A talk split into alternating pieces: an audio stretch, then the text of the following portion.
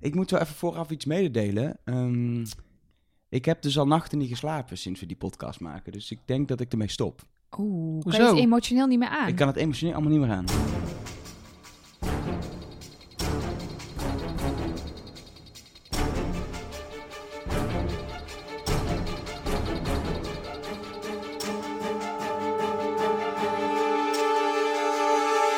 Hallo en welkom bij Trust Nobody, een podcast over wie is de mol met Nelleke Poorthuis. Mark Versteden. En Elge van der Wel. En we zijn er gewoon weer met z'n drieën, alsof we ja, in de eeuwige finale zitten. Dat is ook zo. beetje- We ja, zijn maar met z'n ja, Er kan niemand afvallen. Er kan niemand Wij afvallen. blijven gewoon tot het En eind. er is ook geen mol, dat scheelt ook. Tenminste, Nee? niet bij ons. Niet dat jij zeker? weet. Weet je het zeker? Ja, ik wou net zeggen. Ik ben niet over alles ingelezen. Ik dacht dat ik alles wist over onze eigen podcasten. Eh, welkom bij aflevering 2. Het eerste wat mij van het hart moet, en ik weet niet of ik dat voor jullie ook spreek, maar wauw, wauw, wauw. En dan niet over de aflevering, maar, maar de reacties. Ja, superleuk. Echt, het is leuk om dit te maken. We zitten hier als een stelletje nerds heel erg fijn hierover na te praten. Maar dat doen we natuurlijk ook omdat er mensen luisteren. En het is zo leuk om te horen dat jullie het fijn vinden om, eh, om, om na te genieten van Wie is de Mol samen met ons. Ja. Nou, het is heerlijk. Toch, Mark? Zeker weten. Nee, ja, dat is echt heel leuk. Nou, wat we, wat we deze, deze aflevering doen is, het is eigenlijk een gewone aflevering van Wie is de Mol? Zover Er waren weer drie opdrachten. er waren weer drie opdrachten. ja. Dus wat we gaan doen is de opdracht, opdracht voor opdracht bespreken. Vooral ook, wat gebeurde er nou? Wat zagen we niet? Wie deed er raar? Eh, daarna gaan we even ook echt de diepte in met alle theorieën, hints. We moeten de afvaller een soort van bespreken. Ja, dat moet, doen we toch. Het is een rare afvaller, maar we gaan hem toch bespreken. We missen hem nu al niet, dus eh, dat is belangrijk. ja, sorry, ja. Oh. Dat spreek voor mezelf, Au. hoor. Ik zei we, maar ik spreek voor mezelf. Eh, we gaan straks spreken. Natuurlijk de vraag, wie is de bol? En aan het einde duiken we nog even die historie in. Dat is wel leuk. En we gaan ook iets niet doen, dat- namelijk de kledingkeuze van Olzee bespreken. Niet? Nee, Waarom niet? gewoon niet. Nou, waarom niet? Ze hingen Nou, er dat bijna uit. hebben, Mar- dat hebben Margriet en. Chris uitgebreid Ja, gedaan. Hoeven wij niet meer te doen. Eh, opdracht 1. ehm, ja, eh, om te beginnen, voordat we eigenlijk die opdracht begonnen, het moet even van mijn hart. Zaten ze aan die ontbijttafel en werd, werd er een kruisverhoor gedaan van kandidaten die net bij die groep kwamen. Niet normaal. Nee, heerlijk. Het is een, Heerlijk. fanatieke groep, zeg. Ja, ik vind dat fijn. Dat wil je toch weten? Er, er is van alles misgegaan. Je ziet die mensen voor het eerst. Ik zou ook vragen hebben. Nou, moet ik wel zeggen, volgens mij kwam het voornamelijk, en dat is wel vaker in deze groep zo, door Olsey, die dan heel recht voor zijn raap gewoon zegt: Ja, maar eh, jij hebt al dat geld weggebeld, dus. En dan Ja. zet ze iedereen op scherp en dan springt de rest erop Ja. in. En, en, en het, het- wat daarbij meteen opviel, is dat we eindelijk antwoord hebben op de vraag van vorige week. Wie heeft er nou twee keer gebeld? Nee, dat Niet? dacht ik dus ook.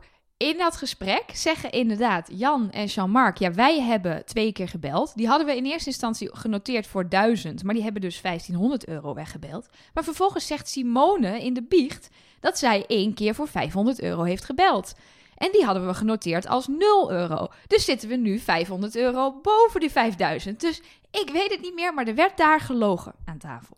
Ja, dat is Wie is de Mol. Maar eh, hè, ik dacht dat we eruit Ik waren dacht hoe het zat. Ik dacht met het geld. En ik ging weer rekenen. Oh. En nou ja, dus ik weet ook niet precies eh, hoe het nou zit. En, maar er was ook nog steeds bij de kandidaten verwarring over wat er nou gratis was en wat niet. Ze hadden het nog steeds over de eerste keer dat je belt was gratis. Terwijl het het eerste half uur was. En niet de eerste keer dat je belt of het eerste uur.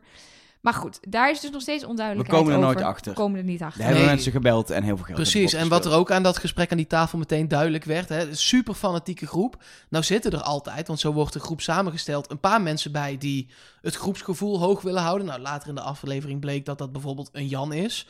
Nou, succes.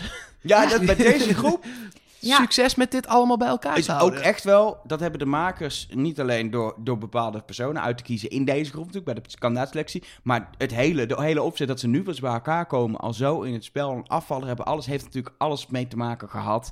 Gaan we het straks zeker ook over hebben bij opdracht 2, de grote rondshow. Ehm maar eerst opdracht 1, op de markt, in de regen, gezellig met z'n allen. Ik vond het een hele mooie opdracht. Omdat je, eh, je bent met z'n allen.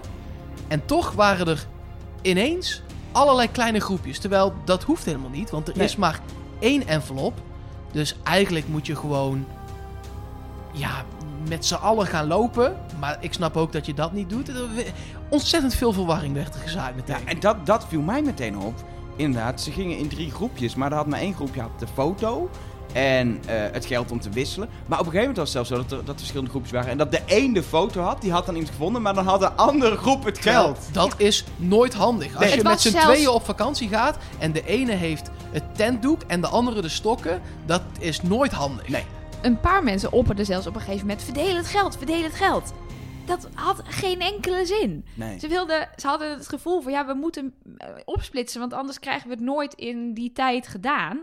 Ze hadden maar een half uur, maar nou ja. En waarom ging niemand zich houden aan de strategie? Ze hadden in principe een goede strategie bedacht. Zodra je iemand gevonden hebt, ga je terug naar Art. Gaan we daar allemaal de foto bekijken? Gaan we allemaal weer zoeken?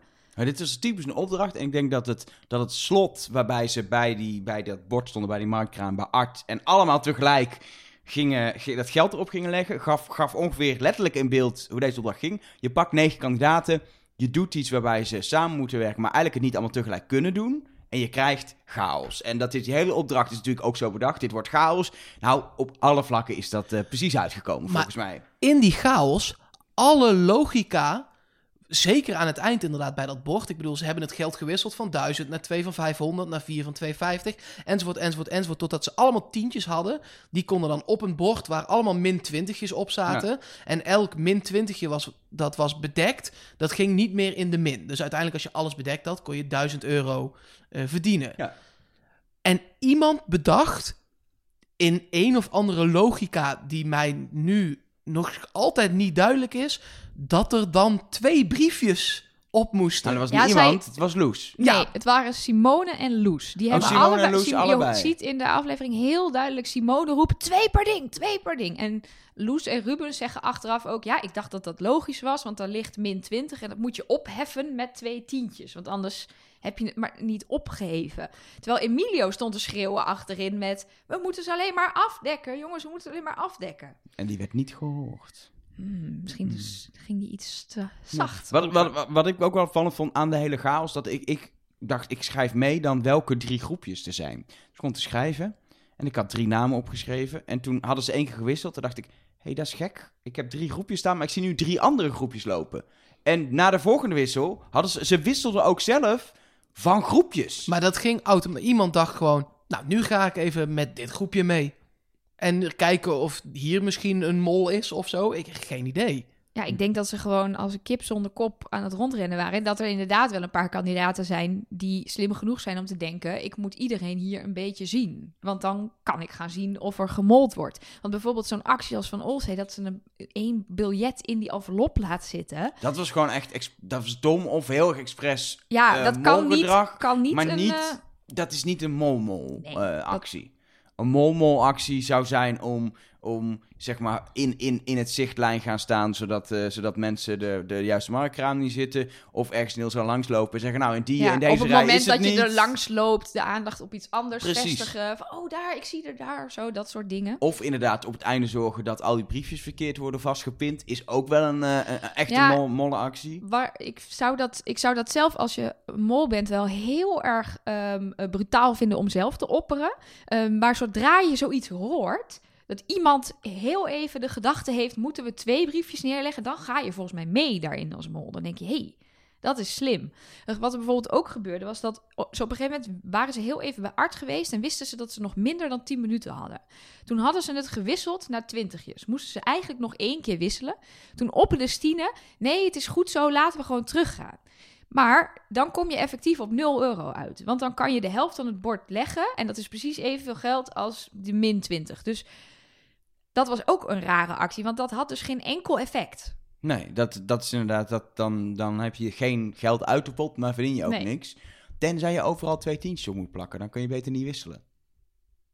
Hmm. Al die mensen die twee tientjes erop wilden plakken, hadden natuurlijk kunnen denken, dat is gek, waarom hebben we dan gewisseld naar twee tientjes? Hadden we beter twintigjes erop kunnen doen. Dus dat, dat, als je enigszins logisch nadenkt, dan had je kunnen denken dat het nooit twee tientjes Ja, zouden blijkbaar is die logica daar totaal vergaan in de chaos. En wa- wat ik mooi vond, er waren zeg maar eh, negen kandidaten, of ja, acht en een mol. Er waren nog negen mensen in het spel. Daarvan waren er acht intens aan het spelen.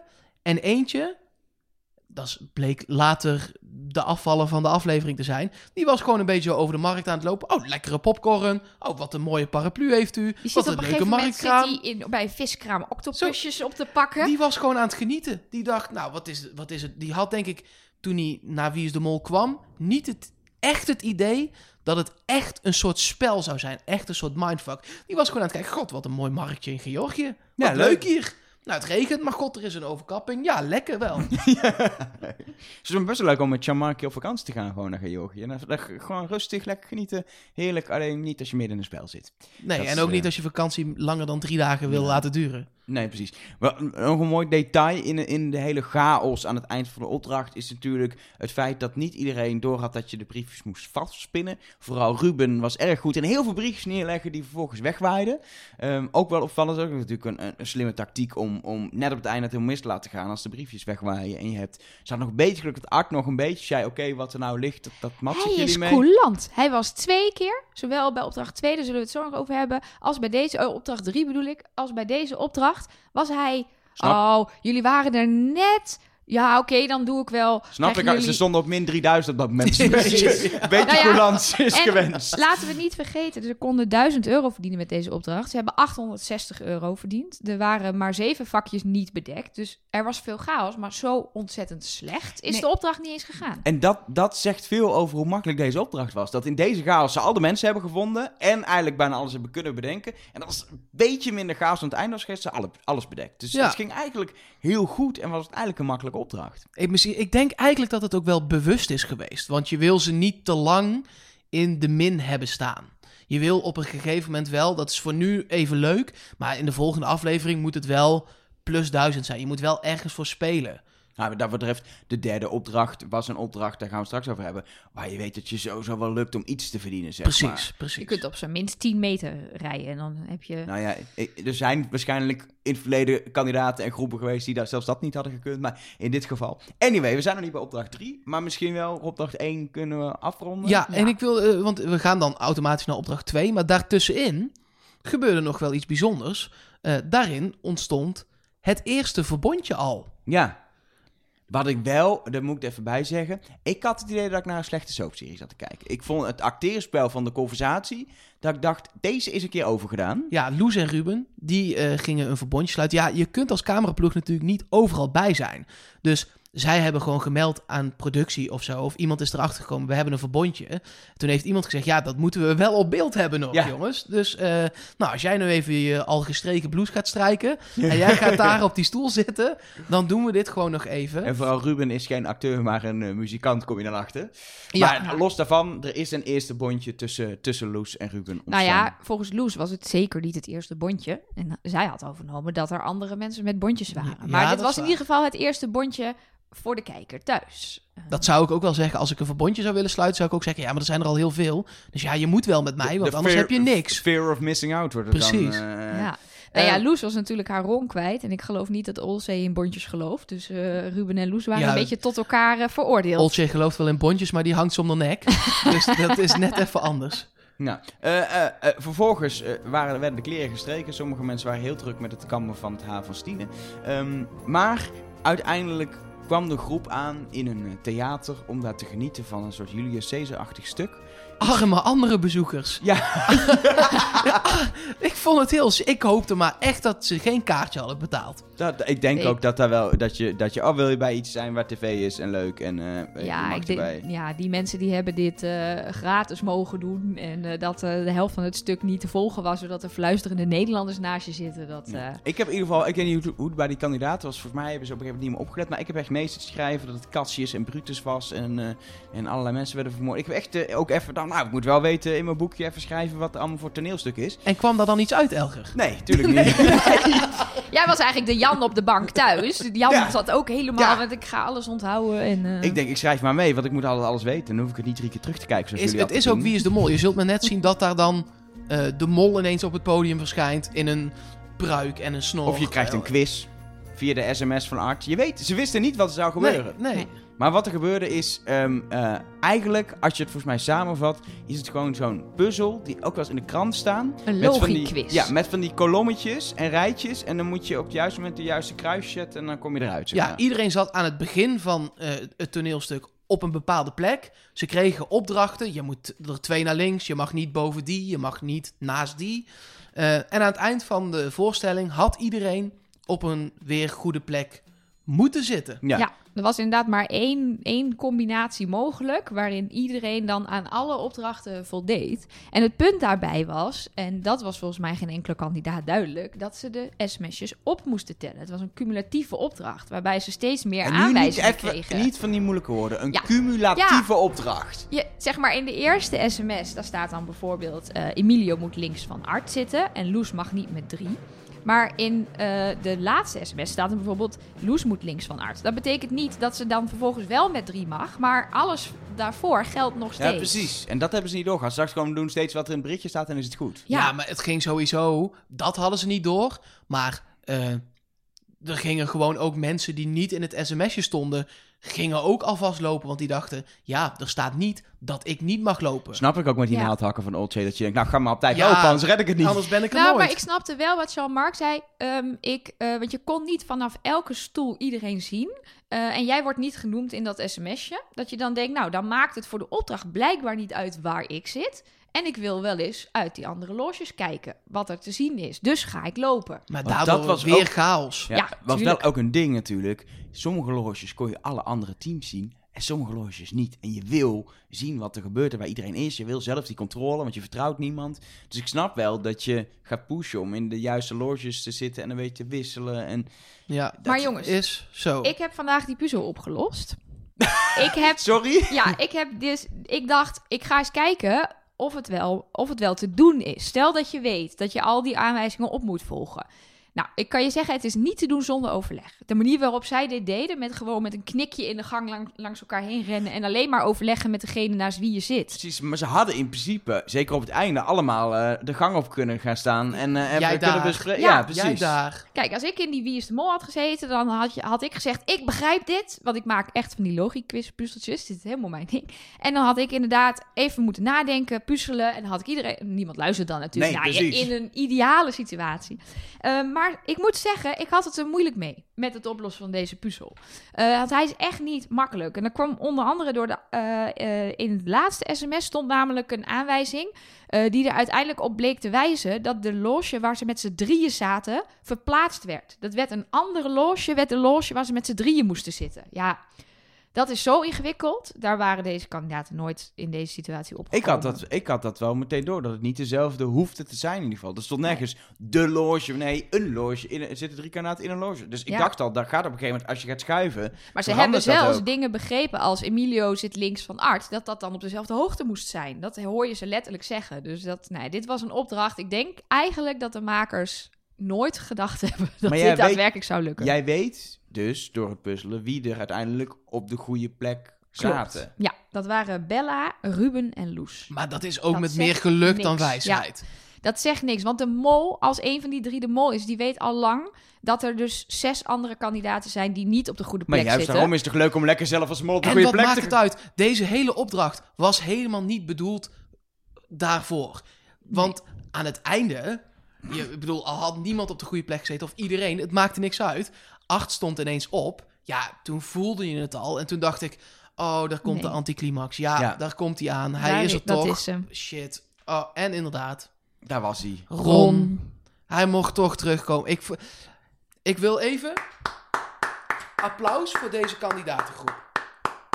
Ja. Terecht. Ja, ik, zat, ik moet ook zeggen, ik zat op de bank, ik zag Ron kn- terugkomen. En ik, ik zei het vorige week niet, ik zou, ik zou het zo slecht vinden, ook van de hele productie, als hij terug zou komen. En ik had ook echt, ik had hier echt een betoog gehouden over hoe kut het allemaal is, als Ron nu weer in het spel zat. Maar die Maar kans was er gewoon. Die kans was, die kans en ik was, vind het was 9 op 10. Ja, ik wil eerst even gezegd hebben, ik vind het super kloten dat hij die kans heeft gekregen. Maar nogmaals, applaus voor de kandidatengroep. Dat ze gewoon allemaal dachten, hey, fuck jou met je zepsport voor kinderen.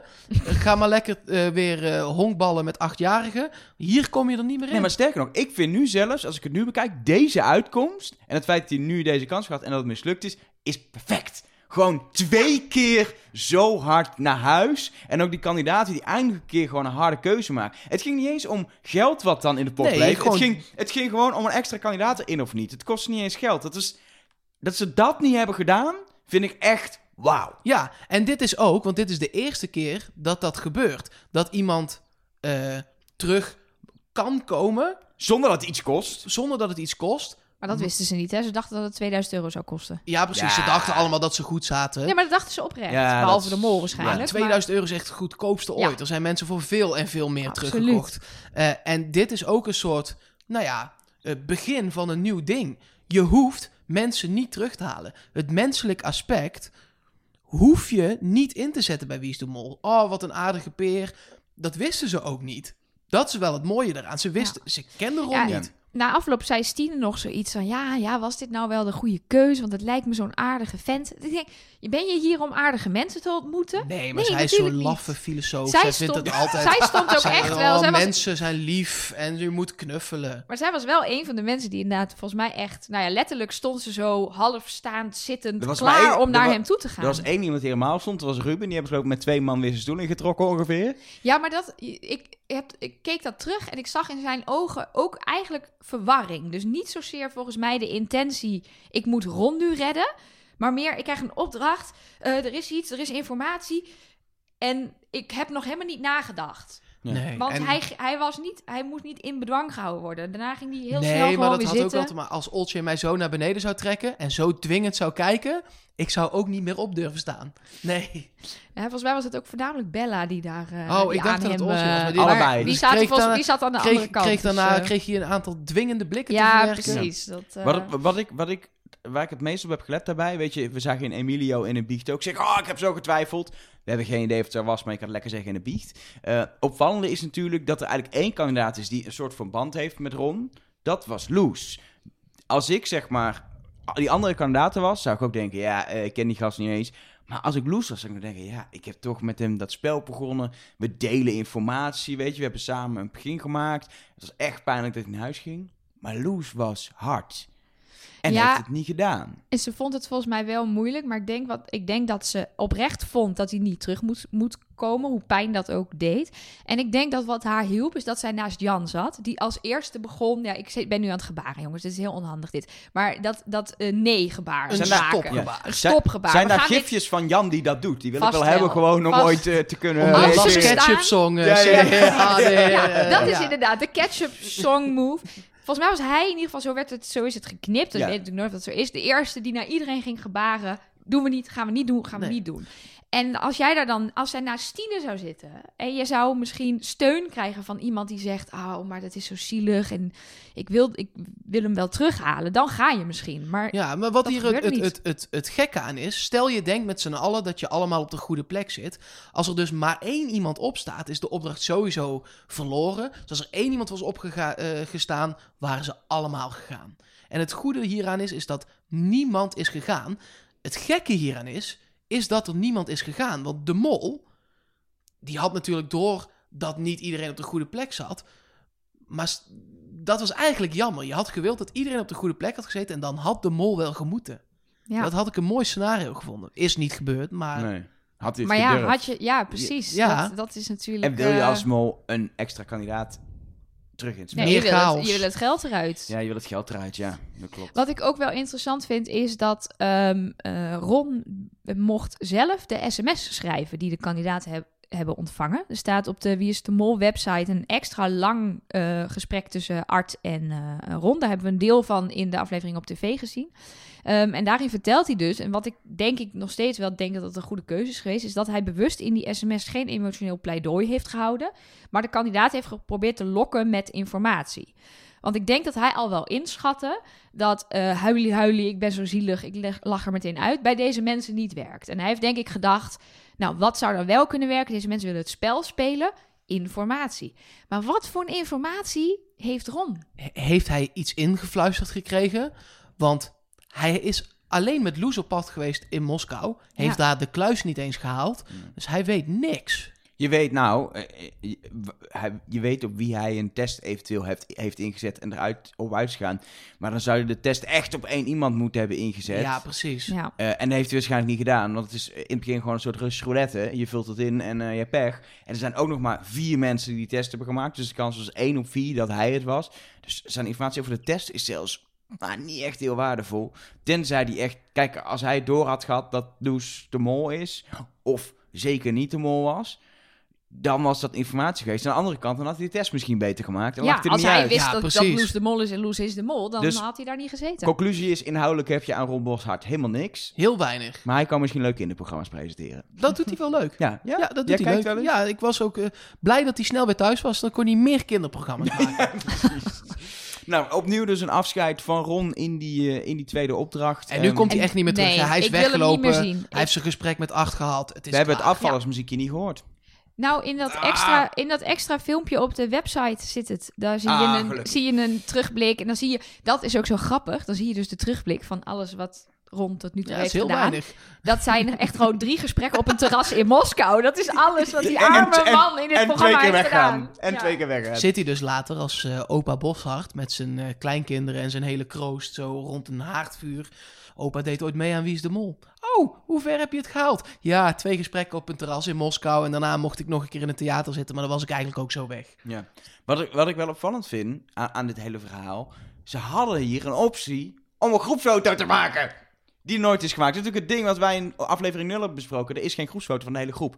Ze hadden er één kunnen maken. Ja, we zijn wel uit het dilemma wat eh, vorige keer ook opgeworpen werd. Hij had een eh leader filmpje op een kruispunt wat achteraf mensen met Google Street View eh, in Georgië hadden geplaatst. Nou, dat klopt. Hij was daar. Ja. Ja.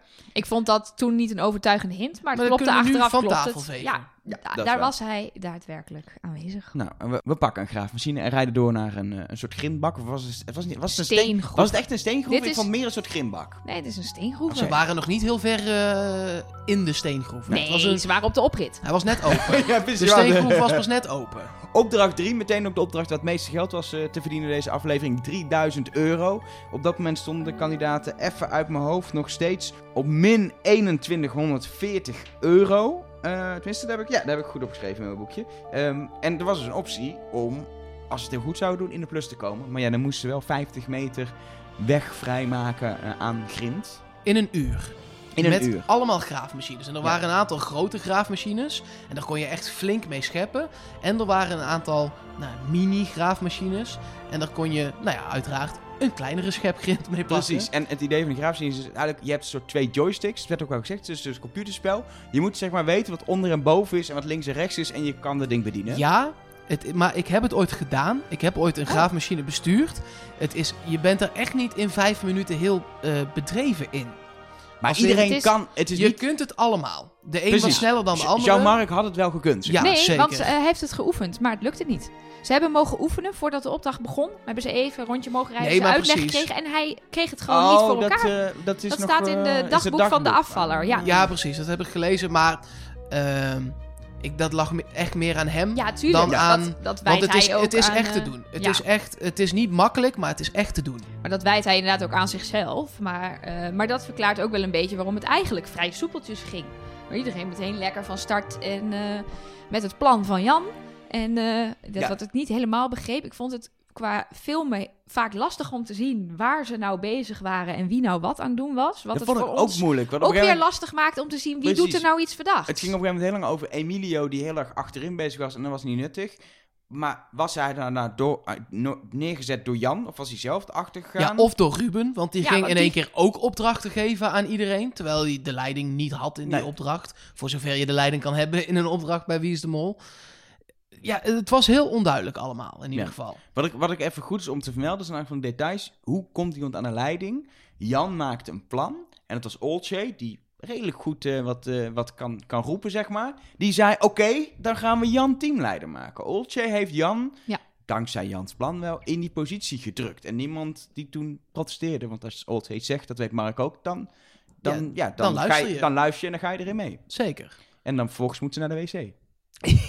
ja. Ja, dat was echt, dat was toch bizar. Ja, dat Moest was ze in bizar. aflevering 1 ook al. Ja, Ze heeft een kleine blaas, eh, liet ze zelf weten op Twitter. Daar kon, kon ze niks aan doen. Ja, maar ren dan. ja. Ja, Ze Ja, stapte gaat- rustig zo die graafmachine een keer uit, ging eens kijken. Nou, ik moet plassen! Maar daar eerst ook twee minuten over de porto over Ja, discussiëren. Precies, dat vond ik ook dat ze eerst heel vaak riep dat ze moest plassen. Maar ja, Ja, maar wat we vervolgens opvallend vond, vervolgens zagen we Simone, die Mhm. heel, heel de tijd naar Olcay ging praten. Voor mijn gevoel in de edit moet het in werkelijkheid vijf minuten lang zijn geweest. Maar dat is waarschijnlijk niet zo. Maar zo, zo zag het eruit. En het opvallende was, in opdracht 1 zagen we Simone ook al heel de Ja. tijd in een porto. Zij En- kan niet zo goed met porto's. Nou, ze kan heel goed de lijn bezet houden. En als er Ja. iets is in zowel opdracht 1 als 3 wat handig is, is het lijnen bezet houden. Daar krijg je chaos van, dan kun je niet communiceren. En dat is, Simone, echt een paar pluspunten. Als Ja. je een opdracht hebt binnenkort, hou de lijn bezet. Simone Wijmans haalt het geld binnen. Wat je ook bij haar ziet, is dat ze de hele tijd heel uitvoerig dingen gaat zeggen. Wat helemaal niet handig is over een porto. Namelijk dat de pinda's geen pinda's zijn, maar walnoten. In een soort mompelende bijzin. En de andere kant hoort alleen maar gekraak. En eh, iets over, over walnoten. Zullen wat wij, ze niet zullen wij begrijpen. binnenkort een keer de, de hele podcast via porto's doen? Ja, Dat lijkt me echt een heel slecht plan. eerst even Ja. een cursusje eterdiscipline van Ellie. En dan Ja. eh, zijn we er helemaal klaar voor. Ehm, maar, maar uiteindelijk, die opdracht. Er, is, er werd gegraven, gegraven, gegraven. Groot en klein. Ik dacht op een gegeven moment, volgens mij moet je gewoon midden door een pad maken. In plaats van alles weghalen. Als je gewoon Nee. dingen aan de zijkant nee, doet. omdat dat grind is, stort dat in. Dus dan, als je door het midden gaat met die graafmachine, dan maak je niet twee heuveltjes aan de zijkant, maar die vallen volgens mij weer in het midden. En dan heb je gewoon een dikke laag grind. Kun je ook overheen rijden. Ja, maar dat was niet helemaal de opdracht. Ik denk dat ze daar ik vond wel ook een, dat eh, 8 wel even een beetje meer gas had kunnen geven, hoor. Ja. Ja, Gewoon ik denk, over die, die gaat nou heen. met die Lada lekker dat grind in. Maar die Ja. gaat zo heel... Nou ja, het was niet heel erg indrukwekkend. Maar dit was dus wel de, de tactiek. Alles weghalen was volgens jullie de tactiek. Ja, dat denk ik wel. Ja, dat denk ik wel. En je kunt wel een klein laagje Nou laten ja, liggen er overal, waren wel maar- meer dingen die ik niet helemaal begreep. Zoals bijvoorbeeld, waarom moesten kleine eh, eh, wagentjes het grind van de grote wagens opruimen? Het leek alsof zij, wat wel vaker gebeurt, toch iets meer informatie hebben gekregen in hoe zij die opdracht moesten doen. Dat dat grind echt helemaal weg Ja. moest. Dan dat wij thuis Nou, nee, maar dat snapte ik wel. Want je, hebt, je wil natuurlijk vooraan beginnen met graven. En dan wil je niet dat er de hele tijd van die kleine graafmachinetjes in de weg rijden. Ehm, want die grote graafmachines pakken in één hap wat die Ja. vier van die kleintjes doen. Dus ik vond het wel slim bedacht wat Jan deed. Die zei, ik pak een hele grote schep. Die leg ik maar net achter mij Oh, ja. neer. Want dan hoef ik niet zo ver te rijden. En dan gaan pakken jullie, jullie, dat eh, dan pakken jullie allemaal één schep van mij. Ja. En dan is het ook weg. En dan leg ik er weer een volgende schep neer. Ja. Dus eh, het idee Maar ja, die Lada die was maar de helft breedte van zo'n grote graafmachine. Dus je zou zeggen, als je een klein stukje weghaalt, dan kan die Lada er al door. Maar het, was heel netjes helemaal Ja, leeggeveegd. zeker, zeker. Dus Ja. ik denk dat dat wel de opdracht was. Hoe, hoe kun je mollen in die opdracht? Los van gewoon niet zo hard werken en misschien een beetje in de weg Ja, rijden. volgens mij wil je in ieder geval in zo'n kleine zitten. Ja, dat dacht ik ook. De mol moet niet in die grote. Want als je gaat, als je dan, het valt te erg op als het daar niet lukt. Nou, Dus je kan die grote en dan gewoon even niet zo hard werken. Gewoon even op eh 50%. Dat doe je nog steeds iets. Maar die grote maakt het verschil. Nee, ik zou toch in zo'n kleintje willen zitten en dan net die berg achter die grote niet wegruimen, zodat die grote Grote- ook niet vooruit kunnen. Zoals, zoals Olse reed zich, op een gegeven moment klem. Omdat ze dus met de voorwielen op de grote berg nog stond. Maar op, met de achterwielen op zo'n hoop die ze zelf achter zich had gelegd. En zat ze in de lucht te draaien. Dus als je zulke onhandige dingen doet. Of in de weg rijden. Eh, dat je dus de hele tijd mensen hun weg blokkeert. Of zoals Loes, dat je gewoon net doet alsof je dingen de hele tijd niet doet. Maar Terwijl accu dat ding is doet het echt wel hoor. Ja, Ja. dat vond ik zo raar. Maar het is ook weer zo obvious of zo. Ja. Dat ik denk... Ik heb meerdere keren Loes dingen zien doen en ik denk... Ja, deze is wel heel mollerig om twee briefjes eh, in plaats van één te pakken. Dat heel was mollerig om heel te zeggen... Ah, dat ding doet het niet. Dat Nee, was Olsee ja, maar- met dat briefje. Nee, was ook Loes. Was ook loose. Oh, je bedoelt, ik dacht dat je bedoelde uit die envelop halen. Nee, nee, dat bord leggen. dubbel oh. Ja, leggen. ja, ja. ja. Dus, maar dat Ja. zijn dingen waar ik denk... Ja, dit is, dit is wel heel obvious. Ja, Dit is maar gewoon mollen Dit, het zijn mollen. ook, dit was ook waar alle kandidaten het in de biecht over hadden. Dus dit valt ook de kandidaten op, dat het ding van Loes het nooit doet. Terwijl het waarschijnlijk hen niet zozeer is opgevallen dat bijvoorbeeld Simone de hele tijd heel onhandig de lijn bezet zit te houden. Ja, dat als is je wel dat wat niet subtieler. weet. Nee. Ja, maar misschien, ja, eh, niets is wat het lijkt. Misschien eh, is er dit jaar wel gekozen voor een super opvallende mol. Kan, Ja. kan. We weten het niet. We hebben nog geen Wist ik het maar. Wist ik het maar. Dan, Wist hadden, ik dan, hadden maar. we, dan hadden we het al af. Anyway, eh, eh, een opdracht die uiteindelijk eindigde met... eh, de- er was 50 meter grind. Er werd 29,6 weggehaald. Waarvan ik denk...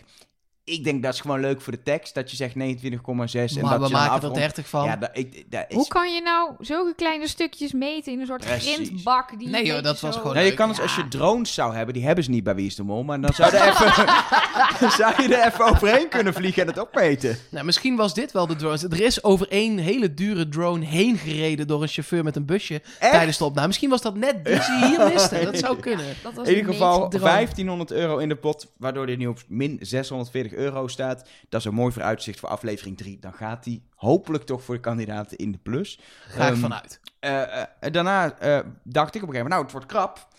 Het is tijd voor de test. Het is tijd voor de test, zei hij. Dus daar was ik wel blij mee. En dat niet alleen, had zijn hele tekst weer terug.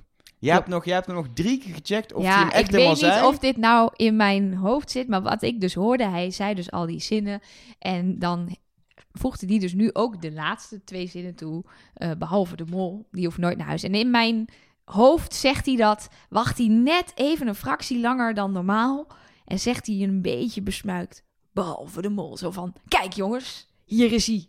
Hier is het zinnetje echt. Maar dat kan ook allemaal in mijn hoofd Ik denk dat hij gewoon vier seizoenen geleden een keer die tekst ingesproken... en dat ze die gewoon in de computer hebben staan bij de Avro-Tros. Maar Ja, De- zou je ze even echt eh, letterlijk naast elkaar moeten gaan leggen om te kijken of het elke keer met precies dezelfde ik ga, gewoon, ik ga wel een keer in de bos liggen bij de Avro-Tros... tot achter de parkeerplaats opkomt en dan ga ik het hem vragen. En dan hoor je het hier. Dat lijkt me een goed idee. Ja? Ja, Volgens mij moet hij heel veel geld betalen als hij eh, dit soort dingen gaat vertellen. Ja. Maar nu hij een tekst heeft ingesproken... Nee, dat is waar. Anyway, de test. En ik zat daar, dan, dan komt hij, hè. De test, dan moet, je, dan moet je meeschrijven wie verdenkt nou wie. Dus ik heb opgeschreven, ik hield er niet meer bij. Ruben verdenkt iedereen, Loes ook. Emilio, Emilio verdenkt, verdenkt Bella en Bella bedenkt Stien. Dat soort dingen in boek. Maar ik heb niet eens alles kunnen opschrijven, zo snel ging het. En toen dacht ik opeens, hé, hey, dat is gek. Waar is Jean-Marc? We hebben hem überhaupt niet meer terug zien komen nadat hij in de steengroef verdwenen is. nee. Nee. Die ligt nog onder het grind, zeg maar. En toen kwam er een totaalshot, was er een lege stoel. Toen dacht ik, hè? Hè? Toen was het mij wel duidelijk. Toen dacht Ja, ik, Jean-Marc is is weg, maar is hij, is hij weggestuurd door Art vanwege opdrachtweigering? Of wat is er aan de hand? Nee, ja, ik, maar ik dacht ook nog vorig jaar, of is dat twee jaar terug, zijn er mensen ontvoerd tijdens een opdracht. Oh ja. Ik dacht, misschien zit hij nu Oh, ergens nee, ja. waar ze de volgende aflevering naar op zoek moeten. En heeft hij daar de test gemaakt. Maar hij had Nee. gewoon geen zin meer en is naar huis, ja, en is naar huis gegaan. Ja, letterlijk. Dat was letterlijk zijn tekst. Eh, Ik, ik, ik, ik- eh, ze zei, Art zei toen nog onpersoonlijke redenen. Eh wat natuurlijk lastig is in een opname. Wat ga je zeggen? Hij is net weg, heeft net de beslissing Ja, genomen. en dat stukje achteraf had hij alweer in Nederland Ja. opgenomen. Dus dan heeft hij waarschijnlijk goed kunnen nadenken over wat hij daarover kwijt wilde. Precies. Ja, ik, ik, ik, eh, eh, hij had drie nachten niet geslapen. Dat was de reden. Hij kon het allemaal eh, mentaal niet aan. En ik vind dat. Ik vind het heel lastig wat ik daarvan moet vinden. Maar bij mij overheerst toch nog steeds dat ik het heel flauw vind om eh, te gaan. Terwijl ik kan natuurlijk, ik kan niet in zijn hoofd kijken. Ik kan niet voelen wat hij voelt. Maar er willen zoveel mensen graag meedoen aan Wie is de Mol. En dan mag je meedoen. En natuurlijk, het is zwaar. Maar na twee nachten niet slapen, zeggen: Ik, ik ga. Ik weet niet, dat wringt bij mij. Ik, ik, als, ik, als ik gewoon twee afleveringen bekijk, wat hij heeft gedaan, hoe hij in het spel heeft gestaan, vraag ik me af of hij... eh, weet je, ik geloof best dat hij ook, weet je, heeft ook met persoonlijkheid te maken, dat werkelijk iemand is die dit eigenlijk niet aankomt. Dat is, dat Nee, is, dat, Hij is hier gewoon niet voor gemaakt. nee, en dat is prima, maar heeft hij, wat jij eerder al zei, heeft hij doorgehad welk, welk spel die terecht is gekomen? Ik denk Wat- dat hij gewoon gezegd heeft tegen iemand. Ze hebben mij gevraagd voor wie is de mol. Toen hebben een aantal mensen gezegd: Oh, dat moet, je doen, Ja. lachen. En hij heeft gedacht: Nou ja, dan kan ik fokken en sukken nog een keer. eh, eh, want dat gaat misschien wat minder de laatste tijd. Nee, ja, ik weet het niet. Maar ik vond dit. Mijn, ik, mijn, vond, coll- mijn collega zo de rijdende rechter, ik moet ook op tv, misschien dat hij dat... ik vond zwak. Ik vond heel zwak. Ik zit ook te denken, hoe is dat inderdaad gegaan door, bij de makers? Ik weet dat ze echt heel goed nadenken over wie er mee mag doen. Ook hoe, hoe ze de groep samenstellen. Dat ze eh, gesprekken voeren natuurlijk van tevoren met die mensen. Volgens mij wel meerdere zelfs. Ehm, en dat er dus goed over nagedacht wordt. En ik snap ergens de keus om ook een zachtaardige jongen erin te stoppen. Niet alleen maar vechtertjes, alleen maar eh, eh, schreeuwers. eh, dat maakt het ook weer leuk dat er verschillende types in zitten. Maar hadden ze, ja, hadden ze het van tevoren kunnen weten? Hadden ze kunnen Ja, dat merken dat hij het niet zou redden? Twee nachten slaap is voor mij geen reden om wie is de mol te verlaten. Maar goed, voor hem wel. Ja. Dus ja. Nou ja, met slaap is altijd eh, ingewikkeld. Eh, met de, e- de een kan tegen heel weinig slapen en de ander kan gewoon echt niks meer. Hij eh, zegt zelf, ik kan dus, kon dus niet eens meer een graafmachine bedienen. En wat ik ook wel begreep, wat hij ook in zijn dagboek van de afvaller schrijft, is dat hij eigenlijk ook vooruit zat te denken van als dit zo, dit was eigenlijk nog een simpele opdracht. Straks gaan we naar de bergen, daar wordt het gevaarlijker. Daar moet je scherp zijn. Maar en ga ik ben dan. niet meer scherp. Nee, maar ga dan. Je moet, je moet niet... Dat is echt doemdenken. Ja, misschien ben ik over tuurlijk. twee dagen heb ik het wel heel lastig. Ja, dat vind ik flauw. Of, of, of ga gewoon die test gewoon, weet ik veel. Alle, ja, vul alle- alles A in. ja, alles of alles. Kijk, wat is de kleinste groep, wat is de kleinste kans? Vul dat in en is de grootste kans dat je afvallen in deze Ja, fase. hij zei zelf dat hij dan dacht dat hij het alsnog zou redden. Omdat hij de vorige keer al had verwacht dat hij eruit zou vliegen. En toen vloog Ron eruit. Ja.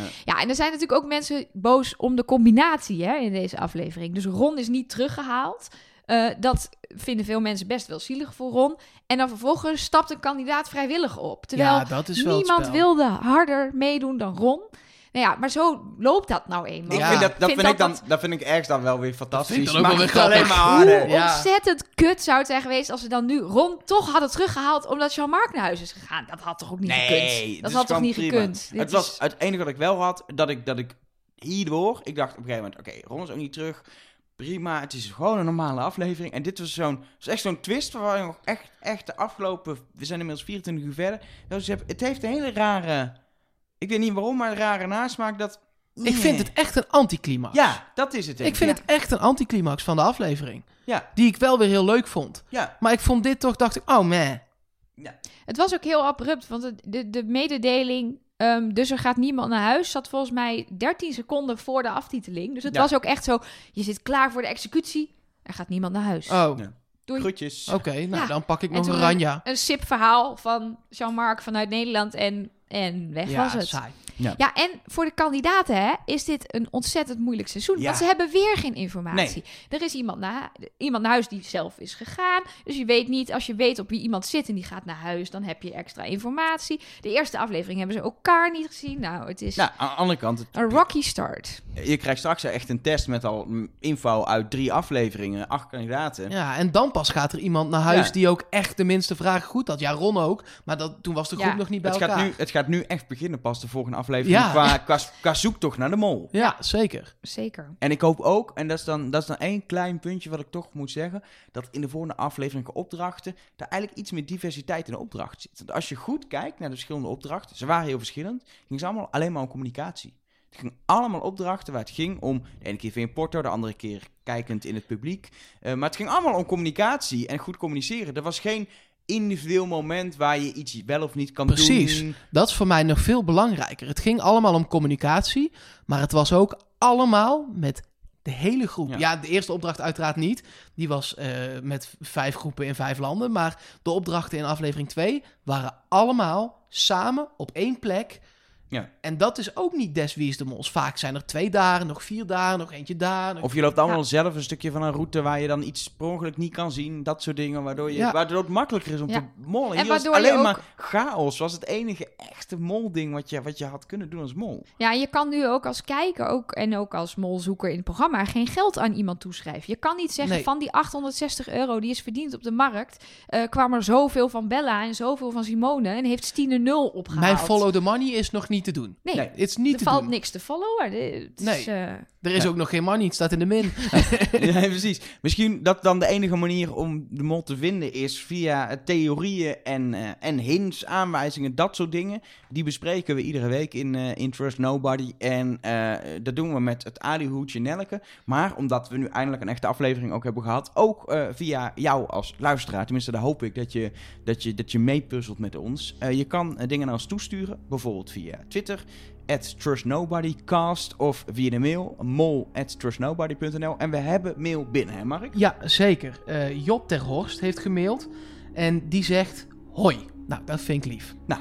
Daarna zegt hij, wat ik zag, en volgens de twitters nog meer, is dat de tv van Emilio en Stine, het gaat hier over aflevering 1 natuurlijk nog, eh, in spiegelbeeld is. Je ziet dat het logo van LG, de tv-merk, gespiegeld is. Het logo van de mol is wel goed. En dat klopt, er staat een plaatje bij op Twitter. Ja, ik vind het lastig. Ik denk dat dit gewoon post-productions een eh, lol- mol-logo in de tv is geplakt omdat ze het shot nodig hebben. Ja. Is de En- minst sexy uitleg, maar ik ben denk bang ook dat het is dat namelijk ontzettend lastig om op film ehm, de omgeving scherp te hebben en ook het beeld in precies de goede belichting. Want je hebt een overbelicht beeld dan. Precies. Maar waarom het dan gespiegeld is? Ja, dat weet ik ook niet. Nee. Heeft iemand in de spiegel... Misschien eh, Is het via de slaan wij onszelf voor de kop en was het wel iets en moeten wij sorry, sorry, sorry tegen je Job zeggen Ja. uiteindelijk. Ja, ik, maar ik waar zou LG dan op kunnen slaan? Want dat, Precies. dat, je hebt natuurlijk heel vaak zijn de hints heel zijn één stap, zeg maar. I- ik, dit viel mij op. Maar wat betekent het dan? Ja, dat, precies. dat schiet je niks meer op natuurlijk. Ja. We, we hebben een Maar het is wel, beeld eh, gezien. Leuk. Dat was het. Ja. Ja. meer is het niet. Nee, precies. Wel goed gezien. We- wat, wel nog echt een eh, eh, interessante Job, dankjewel. Dat Ja, allereerst. dat sowieso. Ehm, en Alex ook bedankt. Hij kwam eh, eh, op Twitter bij ons binnen met wel een eh, interessante theorie. Ik weet niet helemaal of het waar is, maar hebben we het maar besproken. Eh, de aflevering heette Wisseltruc. Dat zou je heel simpel eh, na de eerste opdracht kunnen weerleggen, want daar moest het geld gewisseld worden. Eh, of naar de tweede tweede opdracht. opdracht. Want Kandidaten dan moesten wisselen. kandidaten gewisseld worden. Eh, hij zegt: Is het geen wisseltruc met de mol? Was Jean-Marc niet de mol? Kon hij die druk niet aan? En is er nu van mol gewisseld? Nou, nee.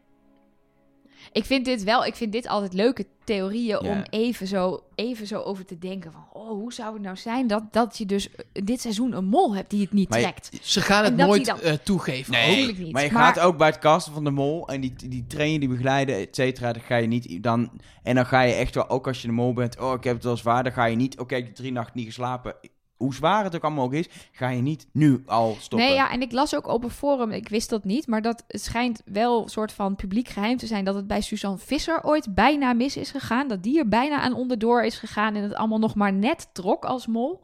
Dus dat ze wel voorzichtig zijn met instabiele, emotionele mensen de mol laten zijn, omdat het best wel een trip is. Dat Ja. geloof ik meteen, ja. Ja, dus ik, ik, het is een mooi, ik vind het een mooie theorie, zeker in combinatie met, eh, met de titel van de aflevering. Eh, dus dankjewel Alex, maar ik geloof er niet in. ja. Mocht je nu voor deze aflevering, aflevering 2, weer wat hebben, eh, laat Of- het dus of- vooral weer weten. Als je aflevering 3 gezien hebt, is het nog beter, dan kun je het meteen meenemen. Precies. Gewoon via de mail mol@trustnobody.nl of op een van de social media kanalen, Twitter, Facebook, al wat niet meer, at trustnobodycast, kun je gewoon een berichtje achterlaten. Dan mag jij nu je aluhoedje opzetten. Ja, leuk, leuk. Staat goed, hè? Ik vind hem mooi. Prachtig. hey, ja, ehm, Ik zie het spiegelen in je animatie. Is dat een hint? Oh, ja, je bent in spiegelbeeld. eh. oh dat is het. Nee, wat, eh, eh, wat betreft de hints en de verborgen aanwijzingen. Ik moet zeggen, het is allemaal een beetje dun vandaag bij mij.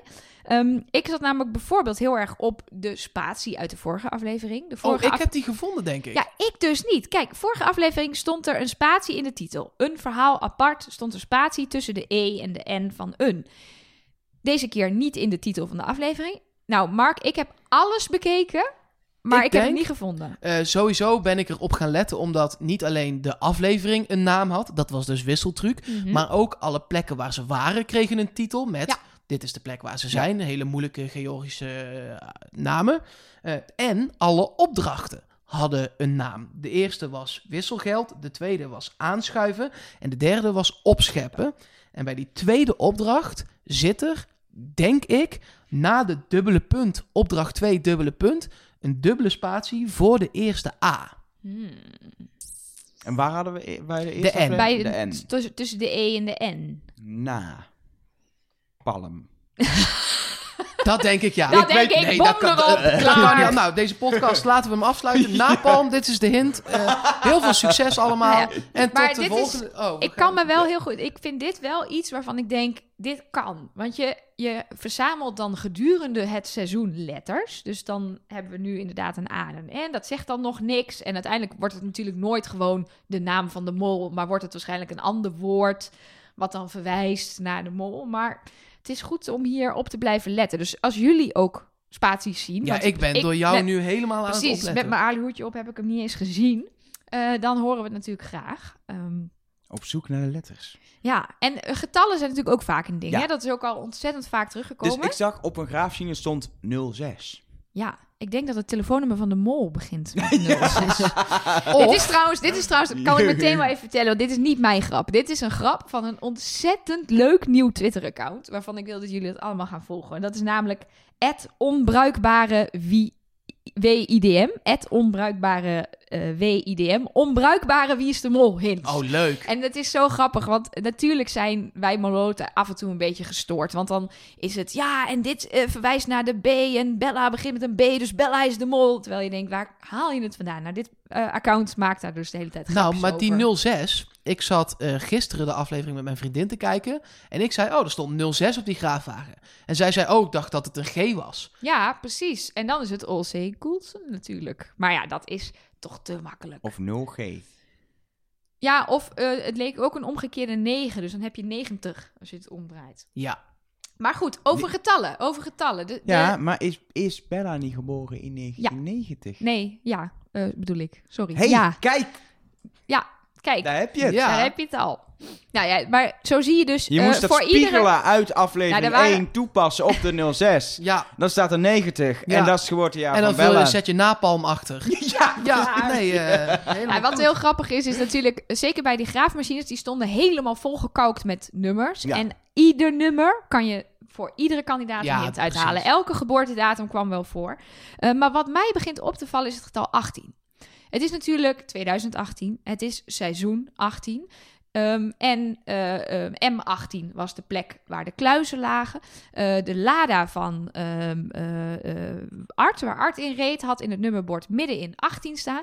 De loge waar ze in zaten was loge 18. Het getal Ja, maar dat, het gekke daaraan terug. was, dat loge, het waren loges 2, 4, 6 en 18. 18. Het lag er heel ver vandaan. Ja. Hmm. En het is, ik weet nog niet wat het betekent. En het kan natuurlijk ook gewoon puur gewoon verwijzen dat dit het 18e seizoen is. Maar eh, ja, voor mijn gevoel zit hier ook wel wat. Misschien, Eh, wat je serieus, en het is- dan gaat meteen mijn hoofd helemaal crazy.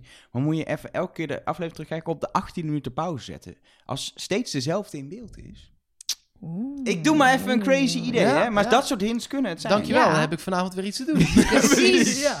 We zijn er maar druk mee. Nou, wat eh, een van de meest besproken en misschien ook wel meest opvallende hints was, eh, was helemaal in het begin, de allereerste scène. Dan staat Art op een heuvel in Tbilisi bij een soort gigantisch indrukwekkend, vond ik, eh, bouwwerk. En daar spreekt hij ons even toe met welkom bij aflevering Op een 2. manier ging ze volgens met het beeld over dat bouwwerk heen. Vond ik best knap. Heb je iets tegen drones? Nee, helemaal niet. Nee, even Ik heb heel erg genoten Ja, van al die dronebeelden. Ik ook, maar soms denk ik, hey, een drone. Oh, weer een drone. Dat- ik- Het begint een beetje op te vallen soms. Het gaat ook tegenvallen, want ik wil natuurlijk nu naar Georgië en dan loop je daar gewoon op de grond. En dan denk je, nou, zo mooi is het nou Nee, niet. precies. Er staan hier een paar grote beelden. Ja. Maar er is iets met die ja, beelden. wat Ik- wil je ja, zeggen? Nee, wat Ja. Art daar zegt is dat het allemaal best wel lekker gaat en dat de mol het naar de zin heeft. En als je dat hoort, dan denk je, naar de zin? Dat, Dat, is een vrouwelijk voornaamwoord. Zou de mol een vrouw zijn? Nou, ik heb het een paar keer teruggeluisterd. Volgens mij zegt Art naar de zin. DE. Gewoon heeft de mol het naar de zin. Eh daar beweren mensen, dat kan niet, dat is niet goed Nederlands. Dat is niet waar. Ik heb het opgezocht, dat het kan ook. Je kan ook het naar de zin hebben. En ik denk dat je dit er niet in stopt als dit een verspreking is. Nee, tuurlijk niet. Dan doe je, of je hebt het door bij de opnames en dan zeg je, yo Art, dat moet even opnieuw. Je zei er. Of je ziet het in de edit en dan knip je dat eruit. Of je laat het zelfs eh, opnieuw inspreken door Art. Precies. Dat Sowieso, die tekst. Art is een goede presentator, maar zo'n tekst doen ze even drie keer voor de zekerheid. Zeker weten. En En, dan Ja. kies je niet diegene met de verspreking eruit. misschien nog wel vijf keer. Ja, precies. Dus ik denk dat dit eh, een soort wishful thinking is. Zeker voor de mensen die op een vrouw zitten. Die denken, hey, Heb ik je ook zie wel eens, eh, eh, hey, maar even hè. Qua theorieën schieten we echt helemaal niks op. Qua Nee. opdracht deze aflevering ook niet echt. Follow the money, niks. Follow the money niet. Is lastig. Ja. Ik heb er wel twee weggestreept. Oh, dat is de, er komen even voor duidelijkheid. Dit is het belangrijkste stuk van deze podcast. Wie is de mol? Nelleke heeft er twee weggestreept. Ja, dus dat, ik kan dus nog steeds de vraag niet beantwoorden. Wie is de mol? Je hebt er nog Wie zes. is de mol niet? Jan en Olzee. Want. Want die had ik ook, maar ik ben benieuwd naar Ja. jouw uh, beredenering. Bij Jan vind ik hem ehm, de kandidaat. De ultieme kandidaat. Die wil gewoon dit spelletje spelen. Die initieert dat eh, Ron niet terugkomt. Die pakt de leiding bij die graafmachine-opdracht. Die is gewoon dit spel aan het spelen. ik wil die er doet één het- voetnoot nog bij plaatsen. Mocht er zo'n opdracht komen waarbij al het geld uit de pot gaat, ik blijf het zeggen, dan neem ik alles terug. dit is ook wel eens voorgekomen doordat de mol daarna wist... er komt een veiling, er komt een bingo, Ja. er komt een beatspel en alles kan Maar hij is We kunnen fanatiek. Ron toch nog terugkopen. Ja, nee, maar ik denk eigenlijk met deze start in de min... dat er niet zo'n heftige koopopdracht meer gaat komen waarbij alles eh, opgaat. Eh, misschien wel opdrachten waarbij andere kandidaten het, het opdrachtengeld helemaal wegspelen, maar weer echt de pot leeg. Ik verwacht het niet, maar goed, ik heb ook al Er gezegd is dat ik ook geen niet zou pot om leeg verwachten. te maken, hè, jongens, voor Nee, duidelijkheid. precies. Ehm, en bij Olsey, ik vond dit de grote eh Olsey verdachtmaak aflevering. Eh, ik zie, samen, samen met Loes ook wel. Olcay en Loes, allebei ja, deden deden- dingen dat je denkt, nou, dat is verdacht. Maar waar ik daarbij ook nog wel dacht is, zou het dan misschien toch een van die twee zijn? En dat ze er twee pakken, want ik vond ook dat het er twee waren. Zouden, zouden ze er dan expres twee pakken? en Waardoor mensen denken, dat zijn ze niet. En dat het er dan toch eentje is. Het kan, het kan, het kan Ja. alle kanten op. Ja, voor mij, ik, ja, ik had gewoon echt het idee dat zij, eh, eh, dat zij heel erg bewust eh, getoond werd op een bepaalde manier in deze aflevering. Waardoor mensen, volgens mij is het ook you hate it or you love it. Mensen op Twitter waren ook compleet verdeeld. Ik vind haar fantastisch. Ik geniet ervan hoe zij is. Er is geen Nederlands woord voor, maar zij is heel unapologetic zichzelf. Gewoon Ja. scheid aan alles. Dit is wat ik vind, dit is wat ik ben, dit is wat ik zeg en ik moet nu plassen. Klaar. ja, Ehm, en ik denk dus dat dat niet, eh, ja, dat ze, dat ze dat niet zo in beeld gaan brengen in aflevering 2 als zij de mol is met die acties eh, die ze tot nu toe heeft gedaan. maar dan de hamvraag. Wie is het volgens jou wel? Ik ben op eh, Bella gaan zitten, Oh. deze aflevering. Maar Simone dat vindt Elke en niet Bella. leuk hoor. Maar, maar, maar, maar, maar Simone, dat zat je vorige keer Ja, op. ook, nog En steeds. ik maar vond deze aflevering op zich qua verdacht gedrag alleen maar Simone versterken. ja, nee zeker. Maar ik ben ook een beetje geïnspireerd door jou. Door jou, wie valt er niet op? En ik vond Bella een ondergeschoven kindje. Ik heb haar, ik heb haar wel af en toe gezien en in de biecht gehoord, maar ik heb haar niks zien doen. Ik heb haar niet. Zij was niet zoals Loes en Olzee in beeld met, met eh, eh, eh, verdachte dingen. En ook niet zoals Jan met allerlei acties en ik pak de leiding en ik ga dit doen. Dus ja, ik weet niet. Ik vind het iemand om in de gaten te Maar houden. je moet er één kiezen, hè, dat Ja. weet je. Ja, en ik ben lekker wel van het wisselen. Dus dan ga ik nu weer voor Bella. Dan Daar, zit ik daar volgende win week... je Wie is de Mol echt niet mee met wisselen. Moet ik deze podcast winnen? Een soort van. Nou, liever niet, want dan win ik hem. Nou, Ja, nou, jij, Mark. Ja, ik jij ben... zat vorige keer voor duidelijkheid op Loes. Ja, zeker. En ehm, nog steeds. Jawel? Ja, Emilio is daar langzaam wel aan het bijkomen. Olcay ook nog wel. Want ik weet niet waarom, nergens op gebaseerd. Ik heb een voorgevoel dat ze dus de mol dit jaar wel een keer in de picture gaan zetten. Hmm. Dit is nergens op gebaseerd. Maar eh, ik blijf bij Loes voor nu. Oké, nou, i- i- ik zat op Emilio. En het punt is, ik heb Emilio de afgelopen aflevering niet gezien. Het was zo sommige opdrachten, zoals Jamark, dat je niet eens door had dat hij meedeed. Of hij deed niet eens mee.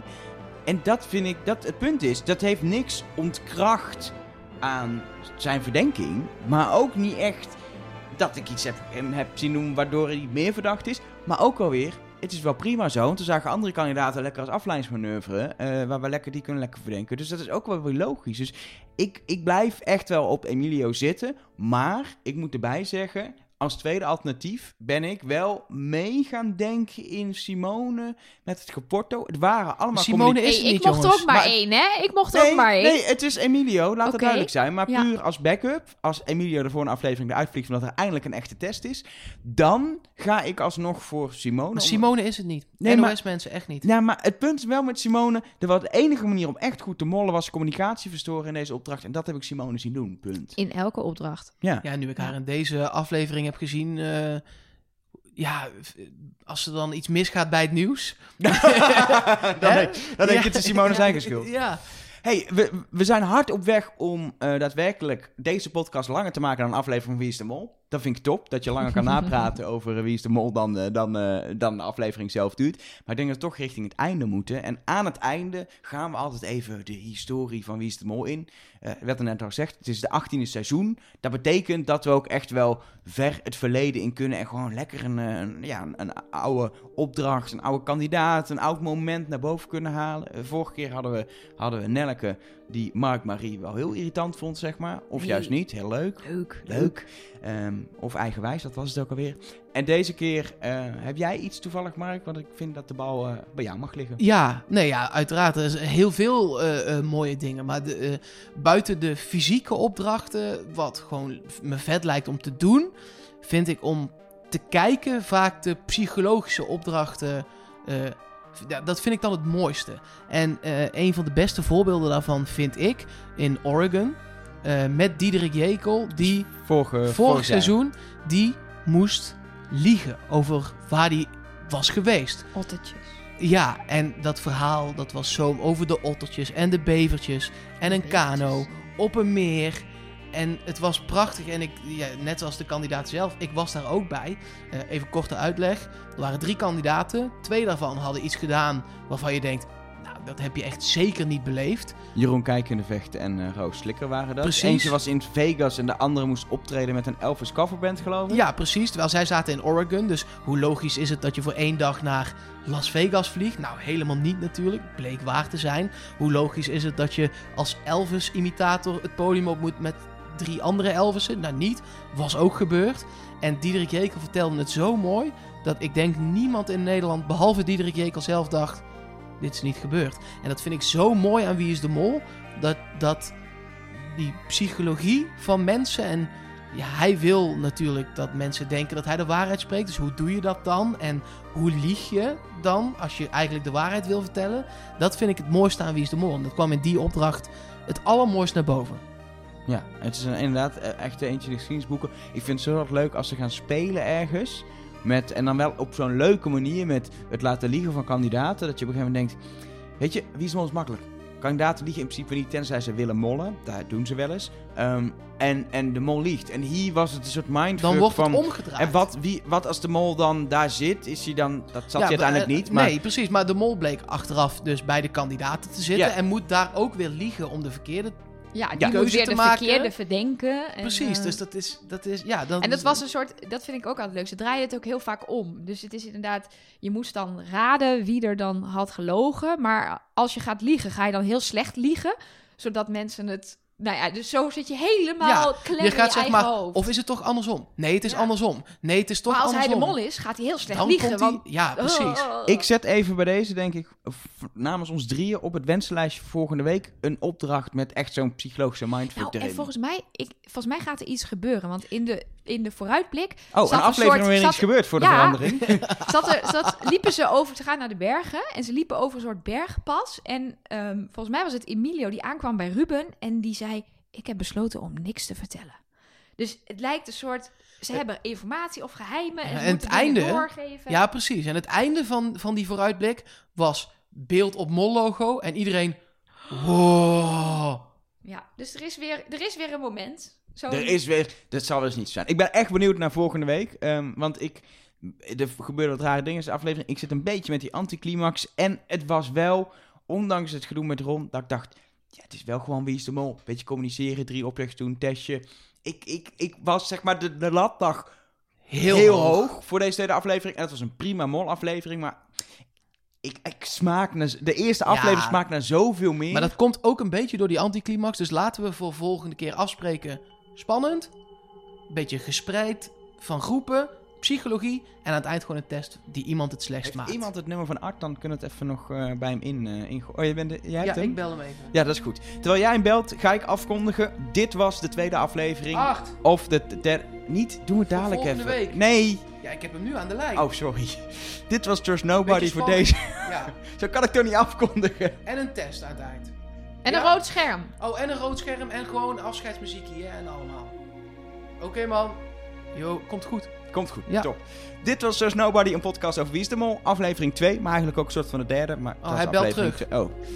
Ja?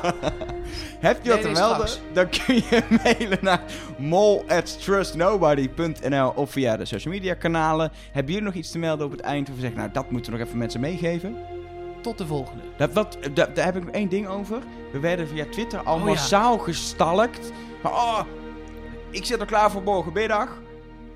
Op zaterdagavond. We hebben geen vaste eh, tijd waarop dit komt. Nee, dit komt wanneer wij eh, eh, bijvoorbeeld Nelke de hele logiquiz puzzel heeft eh, uitgevoerd. Ja, Ehm, Ja. wanneer ik we de hele alles money hebben- heb. Precies. Jij de, ja, Ja. precies. We, We doen ons best om het zo snel mogelijk eh in erop de, te zetten. in de dagen na Wie is de Mol komt online. Maar geloof me, er gaat een keer voorkomen dat het echt pas dinsdag is. Of maandag. We proberen zondag. En daar doen we echt ons best voor. Het heeft geen zin om te roepen, hij moet echt op zondag. Want we hebben ook nog een leven. Dat, Dat is willen wij, wij willen het ook graag altijd op zondag, maar soms gaat het gewoon niet. Voor nu, we zijn er ergens volgende week weer. En succes met je zoektocht naar de mol. Trust nobody. This is ACAST Recommends. Every week we pick one of our favorite shows, and this is one we think you're gonna love. Hi, my name is Dr. Chatterjee, host of the Feel Better, Live More podcast, which helps you to become the architects of your own health. Each week I cover topics like nutrition, sleep, mental health, purpose, movement, and last week I spoke to the inspirational Esther Perel about the problems with modern relationships and how we fix them. You can search for my Feel Better, Live More podcast now on Apple Podcasts, Acast, or wherever you listen to podcasts. ACAST is home to the biggest podcasts from the US and around the world. Subscribe to this show and hundreds more now via ACAST or wherever you get your podcasts.